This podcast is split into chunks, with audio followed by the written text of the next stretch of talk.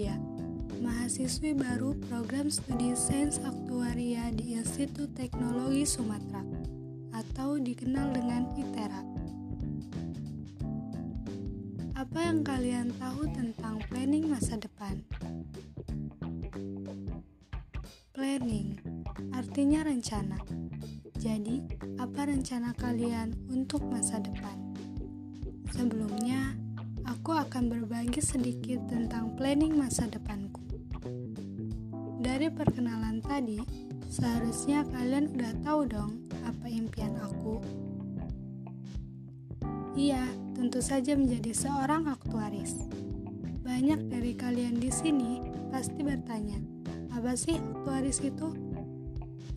Jadi, aktuaris adalah seorang ahli yang bekerja di bidang pengukuran dan manajemen risiko serta ketidakpastian dalam usaha. Jadi gimana? Sekarang udah tahu kan apa itu aktuaris? Ngomong-ngomong, usaha apa aja sih yang udah kalian lakukan untuk planning masa depan kalian? Iya, walaupun kita sudah punya planning masa depan, tapi banyak hal yang terjadi tidak sesuai dengan planning sebelumnya. Kalau kata kebanyakan orang sih, ekspektasi tak seindah realita. Iya, itu benar banget.